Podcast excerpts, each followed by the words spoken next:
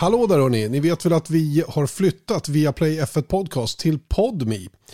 Det är dit ni ska ta er nu för att eh, höra via Play F1 Podcast som är nu ännu bättre, ännu större, ännu mer innehållsrik. Eller vad säger du Erik?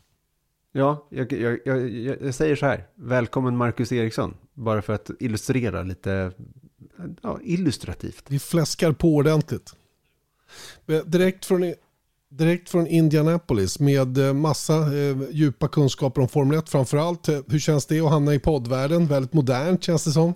Ja, men det känns fantastiskt. Jag har ju varit med här som, som inhoppare på podden rätt många gånger genom åren, men nu att få en permanent eh, plats i, i line-upen känns ju... Nej, det känns kul. Kul att få förtroendet och det ska bli, ska bli roligt att nörda ner sig lite mer i, i F1 och F1-säsongen som vi har framför oss. Just det, det kommer säkert att bli en annat, en, ett och annat snack om Indycar också. Eh, via Play F1 Podcast den här veckan. Du hittar alltså på Podme. Eh, ni kommer bland annat få höra Marcus noter för under hela karriären i Formel 1 så skrev du Marcus dagbok där du förde anteckningar kring varje bana. De här anteckningarna vill vi naturligtvis få ta del av, vilket vi kommer att göra då. Vi börjar med Bahrain som är den första tävlingen för säsongen. Det finns ju då anteckningar från banorna som du faktiskt har kört på, vilket inte är alla då i årets mästerskap. Formel 1-testerna, de är ju klara nu. Nu blir det inget mer och vi rankar självklart teamen efter sex dagars F1-testande, delar ut tummar upp och ner.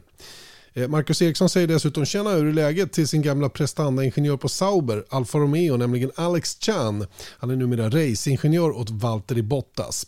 Vi berättar vad vi håller ögonen på också inför premiären och den här säsongen. Och Erik Stenborg pre presenterar en ny person som verkligen förändrat Formel 1. Det här är fläskigt innehåll, känner jag i alla fall.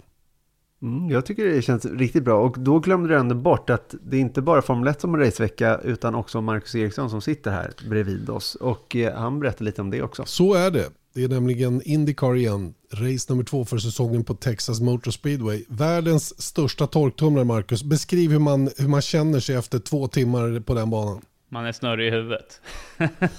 Kort och gott. Nej, men man har adren adrenalin som pumpar och eh, balanssinne som är ur eh, synk efter 5Gs konstant tryck på kroppen. Så... Vad tycker du om Bahrain International Circuit som är någonting helt annat än Texas? Bahrain är som layout inte den roligaste banan, men jag har alltid trivts bra på Bahrain som bana, så därför tycker jag att den är så rolig och den brukar producera så bra racing. Så jag tycker det ska bli, ska bli spännande att följa den första racehelgen. Är inte det kul att när det, när det går bra då tycker man det är roligt. Och när det, eh, det kan vara en rolig bana men det går alltid dåligt och då är det ingen bra bana. Så funkar det vet du, racingförare.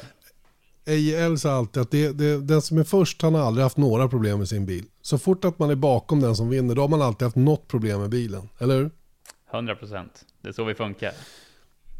Podme, det är det som gäller. Teckna er på ett abonnemang, använd koden F1 så får ni en gratis månad och eh, känn in tycker att det här kanske är bra och fortsätt prenumerera. Podme alltså och F1, F1 är koden för en månads gratis abonnemang. Vi hörs där. Ska också bara lägga till där då att när ni använder den här koden F1 då ska ni använda en webbläsare för annars får ni inte fram det där fönstret som ni kan skriva in koden och få den här gratismånaden. Det är ett rookie mistake som Janne Blomqvist lätt ja. skulle gått på. Ja, men, men, men använd den där koden, testa grejerna och se om ni gillar det. Macka, du har väl köpt ett, ett, ett, eh, abonnemang? Det vet du. 100 procent.